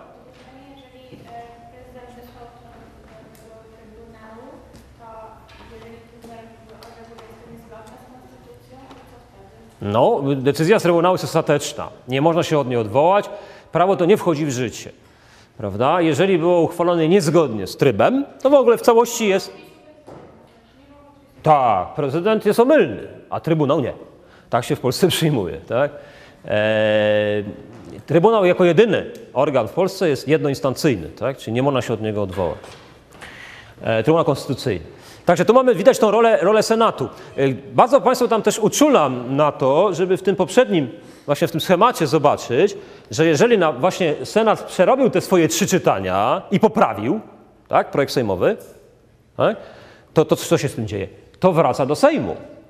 I Sejm teraz może przyjąć te poprawki, czyli ustawę w brzmieniu senackim, a może ich nie przyjąć. Czyli on głosuje nad projektem senackim poprawionym i teraz, proszę Państwa, jeżeli nie zbierze bezwzględnej większości głosów, to jest tej po prawej stronie w środku, e, jeżeli nie zbierze bezwzględnej większości głosów dla odrzucenia poprawek Senatu, to znaczy, że je przyjął. I to jest właśnie pozycja polskiego Senatu w procesie ustawodawczym. Bo Sejm przyjmuje ustawę jakąkolwiek większością, zwykłą większością, nie musi być bezwzględna. Rodzaje, rodzaje większości już Państwu to nie będę tłumaczył, w każdym podręczniku są. W każdym razie Sejm przyjmuje większością zwykłą projekt ustawy. Idzie do Senatu. Jeżeli Senat poprawił i wróciło do Sejmu, to Sejm musi zebrać większość bezwzględną, aby odrzucić poprawki Senatu. Jeśli nie zbierze, znaczy, że je przyjął. I ustawa idzie do prezydenta w brzmieniu senackim. To jest wpływ Sejm, Senatu na proces ustawodawczy. Niebagatelny. W e, Bundesracie i Bundestagu to było tak, że jak Państwo wiedzieli, jeżeli Bundesrat odrzucił bezwzględną większością, to Bundestag mógł przełamać bezwzględną większością. Jeżeli Bundesrat odrzucił dwoma trzecimi, to Bundestag musiał zebrać dwie trzecie, żeby odrzucić. Tak? U nas w każdej sytuacji bezwzględną większością. Tak? Bez względu na to, ilu senatorów poprawiało, było za poprawką ustawy. To jest rola polskiego Senatu. Ona nie jest aż tak wielka jak we Francji, jak, a może nawet jak w Niemczech, porównywalna z Niemcami, znacznie większa niż e, w Wielkiej Brytanii. Izba Lordów ma uprawnienia, ale też i trochę mniejsza niż w Senacie włoskim, który wraz z Izbą Deputowanych stanowi właściwie władzę, przed którą odpowiada rząd, prawda, E, a więc y, władzę ma kompetencje znacznie szersze. Yy, Także poprawka Rockiego jako naruszenie procedur z pośpiechu, tak tuż przed wyborami, może nikt nie zauważy, może opinia publiczna się czym innym interesuje, sprawa kontrowersyjna, prawda? Treściowo kontrowersyjna, bo przecież tryb, tak? Tryb prawdopodobnie niekonstytucyjny wyniknął z kontrowersyjności treści, tak? Że narusza prawa obywatelskie, prawo właśnie dostępu do informacji o działaniu władzy publicznej. Tak? Więc to są grzeszki Platformy prawdopodobnie. I prezydenta niestety chyba też. Nie takie wielkie, ale są. I teraz, proszę Państwa, mamy do czynienia z a, skład polityczny Sejmu i Senatu niestety tylko do 2005 nie znalazłem dalszych danych. E, I proszę zobaczyć, jaki procent e, miały poszczególne ugrupowania, zwłaszcza te rządzące w poszczególnych kadencjach, w Sejmie i w Senacie. I teraz, e, co się okazuje, proszę zobaczyć, że e, to ugrupowanie, które ma w Sejmie większość i rządzi, tak, z reguły ma jeszcze większą przewagę w Senacie. Widzimy? Prawda? W niektórych przypadkach, tak już było w przypadku AWS-u w 1997, czy w przypadku SLD bardzo wyraźnie w dwa- 2001, jest to przewaga przekraczająca większość bezwzględną, aż do poziomu 75% w przypadku SLD w 2001. Czyli Senat w ogóle w ręku jednej partii praktycznie. Wszystko przeprowadzi. Tak? Wtedy. Jak jest obecnie? W obecnym parlamencie? Czy Platforma ma większość bezwzględną? Ma. 60, tam jest chyba jeden czy 60, już nie pamiętam dokładnie. Ma wyraźną większość bezwzględną. W Sejmie ma tylko 40 tam, czy 42% mandatów, tak? A w Senacie około 60, prawda? Czyli nie aż tak duża premia jak w przypadku SLD wtedy, ale, ale, ale, ale spora. Czyli polski system wyborczy, przez to, że wybory są jednoczesne i ludzie się kierują tymi samymi preferencjami w głosowaniu i do jednej izby, do drugiej izby, prawda? choć są różne ordynacje, bo jedna jest proporcjonalna, druga jest większościowa, to jednak przez to, że to się dzieje w jednym momencie, jest równocześność kadencji, z reguły efekt jest taki. Partia zwycięska uzyskuje w Senacie w ostatnich latach ponad połowę mandatu. I właściwie robi z tym Senatem co chce. Czego przykładem poprawka Rockiego przed chwilą, prawda? Rzucili, przegłosowali, udawali, że w ogóle nie ma problemu. Prasa wykryła, no więc prezydent w tej sytuacji jednak skierował Trybunału, tylko tak, żeby tylko tryb sprawdzić, już treści nie. To jest e, sytuacja, która pokazuje, że polski Senat niekoniecznie jest w sposób taki wybierany, żeby to dobrze służyło procesowi ustawodawczemu. Bo wyobraźmy sobie, że ten e, polski Senat byłby wybierany w innym momencie niż Sejm. To już by zmieniało sytuację. Jego kadencja byłaby nierównoczesna z sejmową, tak? E, ludzie by się preferowali w tym momencie innymi preferencjami prawda, politycznymi, by się kierowali, gdyby to było w innym momencie niż wybory do Sejmu. Albo wyobraźmy sobie jeszcze bardziej, że polski Senat jest jak amerykański Senat, którym, jak Państwo wiecie, są trzy części, przesunięte w stosunku do siebie o dwa lata w kadencji, czyli każdy senator jest sześć lat senatorem, ale co dwa lata e, w Izbie następuje wymiana jednej trzeciej składu. I w związku z tym Izba jest permanentna, nie ma końca kadencji w istocie, prawda? Dzięki temu e, wymienia się co dwa lata tylko jedna trzecia, a dwie trzecie jest stare, prawda? Dzięki temu jest duża ciągłość pracy Izby, tak? spore doświadczenie pracy i tak dalej. Jest w ogóle wtedy niezależne, prawda? Od innych wpływów politycznych, tak? E, Skład Senatu jest uniezależniony od składu Izby Reprezentantów, która jest wybierana w wyborach powszechnych co dwa lata w Ameryce. Wyobraźmy sobie taką sytuację. Taki Senat mają Czesi. Czesi mają Senat amerykański. Tylko u nich jest, nie, nawet dokładnie tak samo, też sześcioletnia kadencja i trzy fazy co dwa lata. Identycznie jak w Ameryce, tylko liczba jest inna. Nie 100, tylko 81 mają, ale to jest jedyna różnica. Mnie się zdaje, że to jest znacznie mądrzej pomyślany Senat. Jeśli ma być izbą refleksji, właśnie z podwyższonym wiekiem, z tym takim głębszym namysłem tak, e, nad ustawami, ma mieć wpływ na to, żeby zatrzymać czasem po prostu pewnego rodzaju partactwo, czy zbyt szybkie tempo pracy Sejmu, tak, wskazując na błędy w projekcie ustawodawczym. To powinien być też inaczej e, wybierany, a nie wraz z Sejmem, bo wtedy partia rządząca ma w nim taką większość, że robi z nim co chce. Eee, no to pytanie to już, to już tak, to, to się nie, nie, nie zdarzyła taka sytuacja, prawda? To pytanie 34, jak wiadomo. Natomiast e, tu są te liczby poprawek, proszę zobaczyć. No i teraz na pytanie, czy e, polski Senat skutecznie odgrywa rolę Izby Refleksji, prawda? No to widzimy, ile jest ustaw, do których Senat zgłosił poprawki, ile E, z nich zostało w całości zaakceptowane przez Sejm, czyli Sejm przyjął wszystkie poprawki, a w wielu przypadkach Sejm przyjął część poprawek, w końcu w ilu odrzucił wszystkie poprawki. Czy na pytanie, czy to jest rola skuteczna w świetle tego źródła, jakby można było odpowiedzieć? No w świetle tego źródła to jednak jest skuteczna, proszę Państwa. No jest skuteczna, skoro olbrzymią większość oni jednak te poprawki przyjmują, prawda? W części lub całości przyjmują, prawda? W świetle tego źródła. Ale w świetle tego, co wcześniej mówiliśmy, prawda, że y, właśnie e, zdarzają się sytuacje, że partia rządząca, prawda, y, która nie ma większości bezwzględnej w Sejmie, bo jest w koalicji przecież rząd, prawda, ma większość tylko względną w Sejmie, ale w Senacie ma większość bezwzględną, może tam przeprowadzać różnego rodzaju rozwiązania, e, które następnie na ten proces ustawodawczy wpływają, prawda, w kierunku no, e, e, e, takim pomyśli rządowej, ale niekoniecznie zgodnym z konstytucją.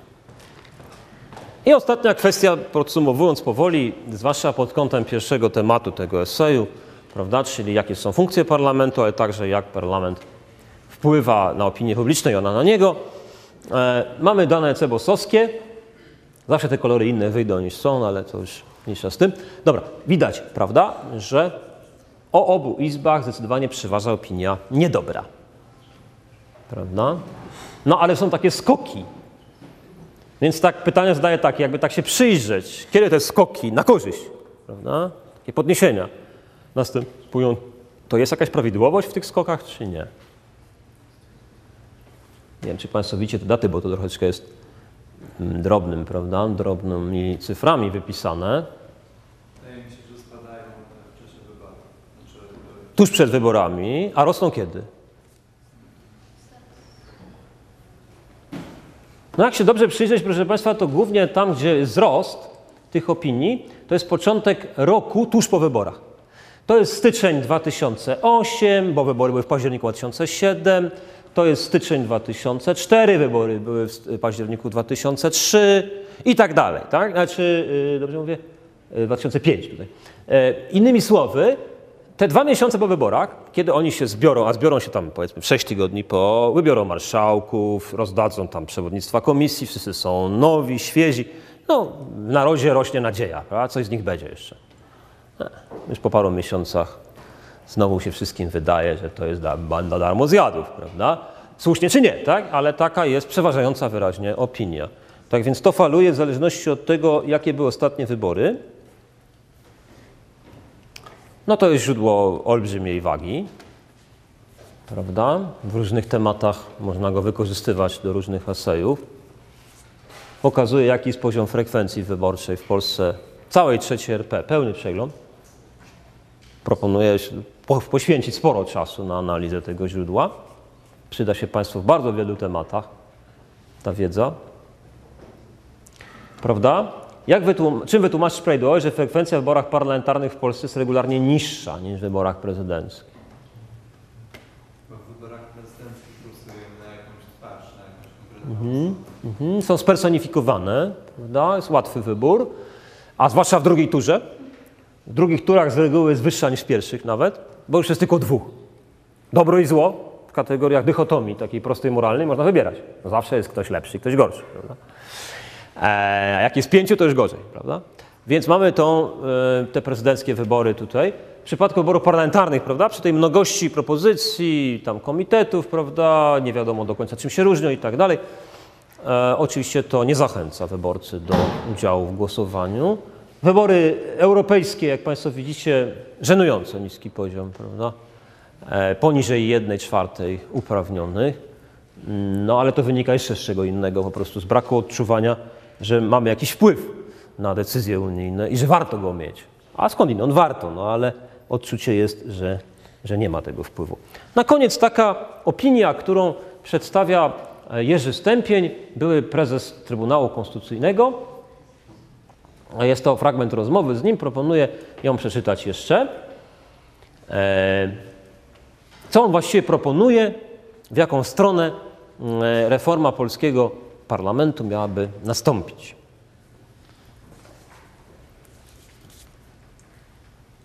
No więc proszę Państwa, tak z grubsza biorąc, prawda, jaki to jest wydźwięk tej wypowiedzi, to znaczy kto jest winien temu, że w Polsce w ogóle kultura prawna stoi nisko, tak, i kto jest temu winien? Zdaniem prezesa Stępnia. No, przede wszystkim parlament, prawda? Nawet nie ma się co czepiać ludzi, tak? Właściwie od tego zaczyna się ta wypowiedź. Bardzo wiele jest tych narzekań przecież, prawda? Na, na słaby poziom właśnie kultury prawnej, niechęć do czytania aktów prawnych, do rozumienia czegokolwiek, prawda? Ale powiada człowiek, który z tym miał wiele do czynienia jako prezes TK, że jego zdaniem to jest kwestia po prostu niskiego poziomu parlamentarzystów. I co on proponuje? Jakie rozwiązanie? Ustawy były tworzone w jednym miejscu, a nie przez Mm, Czyli w miejscu rządowym w istocie, prawda? Przez Centrum Legislacyjne Rządu miałyby być tworzone, a Sejm i Senat to właściwie byłyby takie maszynki do głosowania. Trochę, prawda? Sejm by przyjmował, Senat miałby prawo zawieszać, tak jak brytyjska Izba Lordów zawiesza, prawda? I właśnie tyle. Tak? E, No oczywiście Sejm zajmował się innymi sprawami, to znaczy zajmowałby się w ogóle tym e, udzielaniem wotum zaufania, ewentualnie wotum nieufności, prawda, debatami z rządem nad kierunkiem polityki rządowej, tym by się zajmował oczywiście. Ale jeśli chodzi o samo ustawodawstwo, głosowałby lub odrzucał te projekty, które by wynikały z Centrum Legislacyjnego Rządu. Tak samo Senat, który by właśnie ewentualnie zawieszał już przyjętą w Sejmie prawda, propozycję e, na ileś tam miesięcy, tak jak to jest w Anglii. Czy Państwu się wydaje, że to by podniosło e, poziom ocen pozytywnych parlamentu w Polsce, takie rozwiązanie? Jak Wam się wydaje? Tak? Dlaczego Pan tak sądzi? Bo może, może jest miałby przeświadczenie, że jednak te decyzje są w jakiś sposób przemyślane, że nie są to... No jednak się wydaje. Aha. Ja mam wątpliwości, wie pan. Może tak, a może nie, bo może właśnie by wtedy argumentowano, za co oni pieniądze biorą. Prawda? E, e, e, to znaczy, sami się nie muszą na niczym znać wtedy, tak? Prawda? Żadnych kompetencji nie muszą mieć. E, ktoś za nich właściwie, tak? Przygotowuje te, te projekty ustaw. E, Mam wątpliwości poważne, ale rzeczywiście pewnie byłoby tak, bo ma rację, że większość posłów nie zna się na niczym dobrze, tak? na żadnej z dziedzin prawa. Tak? Kilkudziesięciu na 460 zna się na którejś przyzwoicie, no więc wyraźnie na mniejszych. On ma rację, taki stan jest faktyczny, ale czy to jest wyjście z tego? No nie wiem, mam wątpliwości. No w każdym razie można tak argumentować. E, No co widzimy na końcu, prawda? Widzimy te dwa tematy,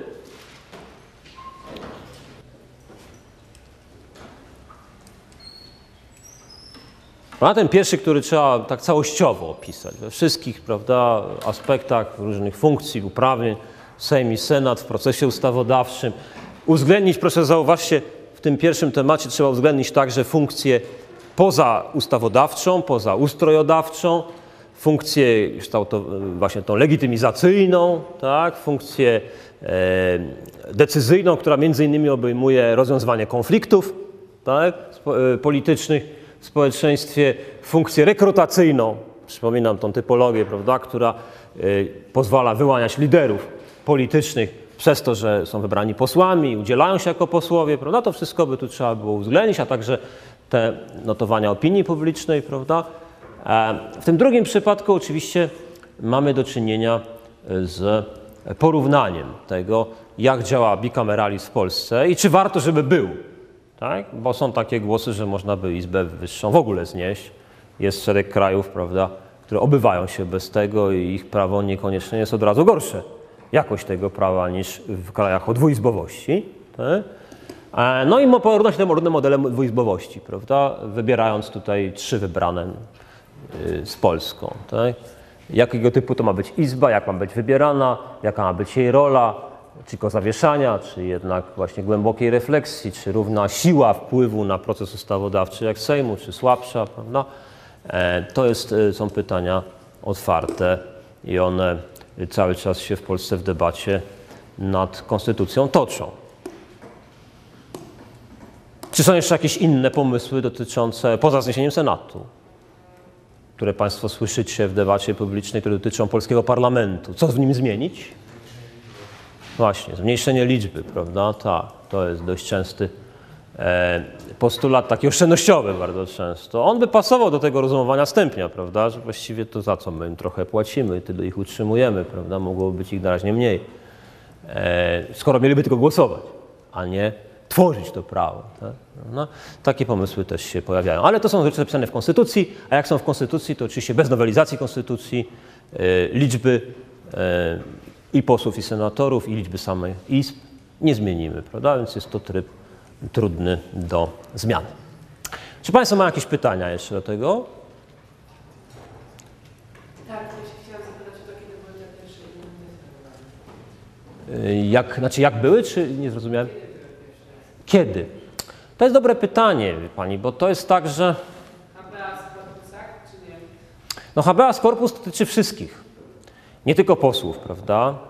Ja nie umiem Pani powiedzieć, kiedy to, jakim aktem prawnym. Nie potrafię powiedzieć. To być może jest do ustalenia, a być może to znowu jest taki konwenans w Anglii, tak? czyli pewna tradycja niekoniecznie pisana, która jednak potem przeszła do konstytucji tam, gdzie konstytucje powstały. No, w Anglii nie powstała jako jeden akt. Eee, myślę, że od konstytucji amerykańskiej jest na pewno już zapisana, tak? bo ta jest najstarsza z. Ale y, habeas dotyczy y, wszystkich obywateli y, nietykalności cielesnej, a więc nie, mm, niemożności uwięzienia, tak? bez wyroku sądowego. Prawda? Więc to jest co innego. Także to, no Wielka Karta Swobód to jest z kolei e, pierwsze takie potwierdzenie wolności osobistych e, przed samowolą królewską oraz prawo do sądu równych, tak, czyli do bycia sądzonym przez ludzi tego samego stanu, co e, ewentualny oskarżony. E, Ale to też nie dotyczy jeszcze, tym bardziej, że parlamentu jeszcze nie ma, prawda, więc to nie może dotyczyć. Także nie wiem, to, to dobre pytanie, ale nie końca, nie potrafię odpowiedzieć, jaki byłby taki w dacie początek immunitetu. Ale, ale w Polsce to można uznać pierwsze przywileje szlacheckie za pierwsze immunitety. No, no w sumie tak, no bo jeżeli są, jest nietykalność y, osobista, tak, przywileju czy y, jedleńsko-krakowskim osobista, to ona się rozciąga także na posłów, no więc tak trzeba przyjąć, że od tego momentu, od 1430 roku, owszem. E, Rozumiem, że na tym kończymy, tak? Dziękuję bardzo Państwu.